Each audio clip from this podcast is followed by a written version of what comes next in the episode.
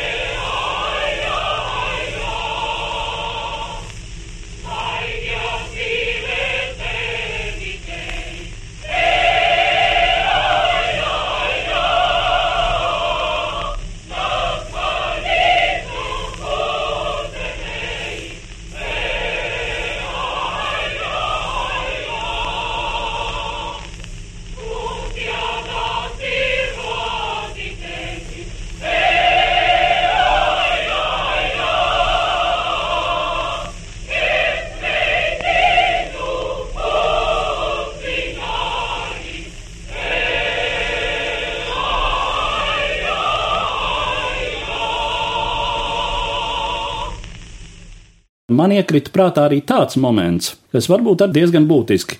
Dziedāšana, es domāju, tā brīža laicīgajai un arī garīgajai varai šeit Latvijā šķita kaut kas diezgan nevainīgs. Pretēji varbūt daudzām citām lietām, nu, piemēram, kaut vai kuplēju skaitīšanai vai, vai deklamēšanai no skatuves, kur uh, saturā varēja uzreiz meklēt kaut kādus āķus un nepareizības. Dziedāšana tika uzskatīta par diezgan nevainīgu nodarbošanos. Piemēram, tāds fakts, ka tai pašā Baltijas skolotājas seminārā, kur nodibināja aizpagājušā gadsimta 70. 70. gados, 70. jā. gados un nodibināja šeit Latvijā, Baltijā kā diezgan konkrētu pārkrievošanas instrumentu. Semināristiem pat sarunāties nebija atļauts latviešu valodā, bija jāsarunājās krieviski, bet pret dziesmu dziedāšanu īpaši semināra vadība neiebilda. Koncertos latviešu semināristi drīkstēja dziedāt latviešu tautas dziesmas. Nu, te jau vēl tieši Baltijas semināristu koris bija tas, kas pirmie nodziedāja Baumaņa Kārļa Dievs svētī Latviju. Pirmajos dziesmu svētkos, kad viņi neaizgāja kā kopkora dziesma, bet Baltijas semināra studenti nodziedāja kā apsveikumu dziesmu to. Kā reaģēja uz šiem pirmajiem latviešu dziesmu svētkiem Rīgas vāciskā publika, piemēram? Nu, tur bija dažādi. Viena daļa bija tā, kas mazliet to nacionālo tā skaties, nu, ko viņi te gal galā bauri ir iedomājušies. Bet bija tādi profesionāli spriedumi, kas vienkārši vērtēja to muziku. Un eh, vērtēja no tādām diezgan profesionālām pozīcijām. Un teica, nu, tā pirmā koncertā tur apmēram tāda vidusmēra vācu komponistu dziesmas skanēja garīgajā programmā. Bet tad tai otrajā, tur, kur nu tās latviešu dziesmas sāk dziedāt, nu, tur koris atplauka un jau bija eh, tā ļoti labi. Ir izdots pašlaik Baiba Jaunslaviete, mūsu akadēmijas kolēģi, savāca Krievu un Vācu presē publicētos materiālus, tieši recenzijas, un ir izdota grāmatiņa, tā kā to var interesanti iepazīties un palasīt tuvāk. Bet šeit tā atziņa bija tāda, ka nav tā, kā teica, nu, vācieši sākumā, fuj, tie nekur neder un tāds, nu, tā kaut kur pamazām pierada. Nē, ir arī ļoti lietišķas un tīri lojālas arī latviešiem tās kritikas, tā kā tā nacionālā cīņa, kā mūs kādreiz mācīja, nemaz tik traki nebija tajā laikā. Šajā laikā, līdz Latvijas neatkarības iegūšanai, līdz sestajiem dziesmu svētkiem, vai ir vērojama kāda attīstība svētku raksturā? O, jā, mākslā? pirmā tāda virsotne un tāds lūzums būtībā bija trešie dziesmu svētki, jo trešajos pirmo reizi skanēja arī vokāli instrumentālais koncerts. Tātad šeit jau latvieši pierādīja, ka mums var būt savi atskaņotāji mākslinieki, te uzstājās vairāk, mums ir sava muzika, ko šādā koncertā spēlēt, tā kā šeit mēs parādījām, ka ne tikai kordziesma un tautas dziesmas apdare, bet arī jau ir tāds pirmais krietnes solis latviešu nacionālās profesionālās mūzikas virzienā. Ceturtie atkal Jālgavas svētki, tie atkal ir iezīmīgi ar to, ka tur tak pirmo reizi spēlēja latviešu orķestris, jo līdz tam tur parasti īrēja, tur nolīga vācu teātru orķestru vai citu, bet Jālgavā ceturtajos tur pirmo reizi bija sapulcināts kopā gan amatieri, gan profesionāļi, visi vienā lielā pulkā, nu tur Jurjāna Andrejs bija tas galvenais dzinulis un aicinātais un saucējs. Nu, ap tiem piektajiem tur grūti gāja, tur piektā gada revolūcija un tad tur vēl nesaskaņas ar biedrību. Nu, kaut vai tas, ka tomēr viņas izdevās sastutēt un notika tādā desmitajā gadā. Tur atkal savukārt es domāju, ka kvalitātes ziņā, jo tas jau ir laiks, ka sevi jau piesaka jau ne tikai Jurjāns Vītols, bet nāk jau Emīls Dārziņš, Emīls Melngails, Alfreds Kalniņš, nākamā paudze jau sev piesaka. Tad kvalitātes ziņā tāds solis ir. Nu, gandrīz katros mēs kaut ko varam atrast tādu savādāku, interesantu.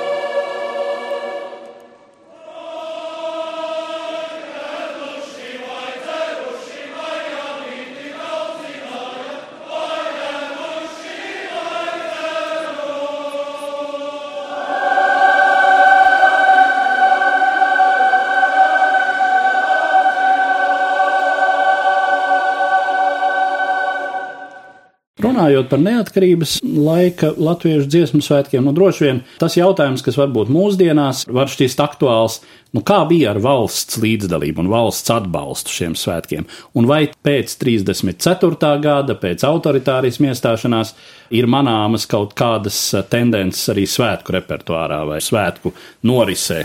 Ak, jā, jo tie devītie svētki, tas ir Ulmaņa laika svētki, kas notiekās tiešā Ulmaņa protektorātā ar viņa atbalstu un līdz ar to kurš maksā, tas pasūta. Un, protams, tur arī ir šīs slavinājumu dziesmas. Sveiks tautas vadonu. Sveiks tautas vadonu. Tikko ir šī vara, kas maksā, kas dod naudu, tā arī pieprasa. Tā tas ir laikam visos laikos bijis. Tomēr tādīs devītajos, nu, Ulmaņa laika svētkos, tur bija ko parādīt, tādī dziesmu svētku nedēļā. Tur bija Visas četras operas, baleti uzveda, visas latviešu programmas, izstādes par brīvu. Tur bija ļoti plaša kultūras programma, un es domāju, ka pozitīvais pacēlums, ka tas ļāva arī tā kā neredzēt tās nodevas, ko tanī brīdī varbūt bija jādod. Nu, arī ceratētiņa laikā, nu, arī bija jānodzied tās pāris nodevu dziesmas. Jā, kā zināms, Jelgavas svētki pat bija veltīti kurzemes pievienošanas Krievijas impērijai simtgadē. Bet tur jau tas cirks atkal ir bijis, ka tad, kad dziedāja to Božica Jāhraņī, tas ir Krievijas valsts himnu, Jā. tad tēvam Arsēnijam pēc tam bija jāsaka svinīga uzruna. Bet eh, šitie te organizētāji sarunājuši studentus, kuri aplaudē mežonīgi atkārtot, vēlreiz dzied Krievijas himnu, atkārtot, vēlreiz dzied un netiek nemaz pie teikšanas. Tā kā ir jau visādi tādi humora brīži arī bijuši. Jā. Staļina laikā tā situācija savādāka. Totalitārisms prasīja daudz bargāks nodevs. Tas bija tas dziesmu proporcijas un tās, kas bija jādzied, un, un īpaši jau durās acīs, ka mēs skatāmies tā laika bildes ar tām vadoņu svētbildēm, ar tiem sarkaniem plakātiem un ar to, ka tā kolhozniece tur lūk tik un tik ir govis izslaukusi pa virsu un stahānu vieši strādā. Mēs tā zinām tagad, kā tas bija, kā tur visas tās darba uzvaras nāca, plaisa, kas ir starp to, ko mēs tur redzam tā laika bildēs un lasām, un ka tur pat blakus skan tās klasiskās vērtības, nu tā nesadarība ļoti liela, to tā grūti patreiz saprast un aptvert. Cik liela bija cenzūras ietekme padomi laikā, nu sevišķi pirmajā pēckara posmā, cik daudz bija no repertuāra izmesto darbu? Protams, tie visi, kas eh, aizbrauca komponisti projām 44. gadā, kas bija trimdā, tie automātiski visi jau izslēdzās laukā. Tālāk, nāca 50. gada sākumā tīrīšana, tad arī tur uzreiz viens otrs izkrīt, nu, piemēram, graubiņu dziesmas. Bija iemācīts bērni, dziedāja bērnu kori visā Latvijā. Nu, un tad graubiņus saņēma, tad vēlāk izsūtīja, protams, izsvītroja laukā tās, jā. Ja. Par tiem, kas bija ne uzticīgi padomi varēja, tur vispār runa nevarēja būt. Pirmie, tie 48. gada svētki, tur vai nu vēl tā tautas modrā acis nebija pamodusies īsti, vai kā tur bija, bet to repertuārs ir diezgan latvisks vēl. Pēc tam, protams, tas viss gāja visstingrākās cenzūras cauri. Tad taču bija tas viens laiks, kad aizliedza Jāņus, kad pacēlās šī pretjāņu kampaņa. Jā. Un tad taču vienu laiku taču pilnīgi bija karojošā kampaņa, visu, kas ar Jāņiem saistīts, ir nost. Bet mums taču ir Jāņu vakar vakars jā, jādzied. Un tad tomēr eh, bija ielikuši iekšā 60. gada eh, programmā, atkal tā kā ieslēdza funkcionāri atpakaļ gaitu, acīm redzot, domāju, ne, ne, nav vērts, laikam, toreiz nodziedāja to Jāņa vakari. Es vēl atceros, kā bija kādreiz centrāla tirgū tāda milzonīga bilde uz sakņu paviljona gala uzzīmēta tautu meita ražana ar kūli uz pleca un tad tur ukrainiete ar arbūziem un vēl kaut kas. Šī tautu draudzība tāda spēle ar to tautu draudzību jau visu laiku ir gājusi cauri. Jā. Tautu draudzība, kuras, teiksim, tāds vizuāls iemiesojums bija arī dziesmu svētku estrāde, tie, kur atceras vēl to pirmveidolu. Ar tām skulptūrām abās malās, jā, jā droši vien to jūs jā, domājat. Jā, jā, skulptūrām, Protams. kur, kur vienā pusē Latviju zeltene un Krievu meitene, neatceros, vai bija kokošņīgs galvā vai nē, bet droši vien. Apkampušās bija noteikti. Ap, apkampušās un otrā pusē apmēram tādā pašā skaistā divu vīriešu draudzībā Ilja Muramietis un Lāčplēs uzturējās. Tie ir no turienes pazuduši. Es, starp citu, sakot to, skatos uz vienu kompaktdisku vāciņu, kuru jūs laipni paņēmāt šeit līdzi. Te tā estrāde ir arī dzen redzama. Tas ir disks no 1973. gada ierakstiem veidots. 73. gads dziesmu svētku simtgade, tas bija vispār tāds, nu, milzu pacēlums. Es domāju, ka daudzi to atcerās, arī kas ir aptaujāti un, un runāts ar kuriem cilvēkiem. Tad, nu, labi, 90. gadi, tie nu ir tagad tā tuvākā virsotne, kas bija, un tad simtgade. Un tik tiešām to es vēl arī pati piedzīvoju, klāt bija. Tas bija milzīgs pacēluma vilnis. Turpat nevajadzēja skubināt cilvēkus, tur paši meklēja koras un, un gribēja dziedāt. Diskā, nu tur ir tāda izlase no ieskaņojumiem, kuri toreiz tieši noslēguma koncerta laikā tika ieskaņoti. Un Rīgas skaņa ierakstu studija un Aldis Ermanbriks bija iniciators šim te diska izdevumam. Un es domāju, ka tas ir tāds vēsturisks dokumentējums, kā jau viss tas ir vēsture, tas ir neatkārtojams. Toreiz bija Haralds Mednis un Leonīts Vīgners vēl bija. Tad tur šī paudze toreizējie spēka gadu vīri un, un sievas, kokari un Imants Cepītis, Ausma Derkevica. Pats jaunākais no simtgades virsdiriģentiem, tas bija Edgars Račevskis, tagadējais mūsu savukārt visilggadīgākais. Tā ir tā pleāde, kuru mēs vienmēr atcerēsimies kā tāds zvaigznājs, kurš liekas grūti atkārtojams ir.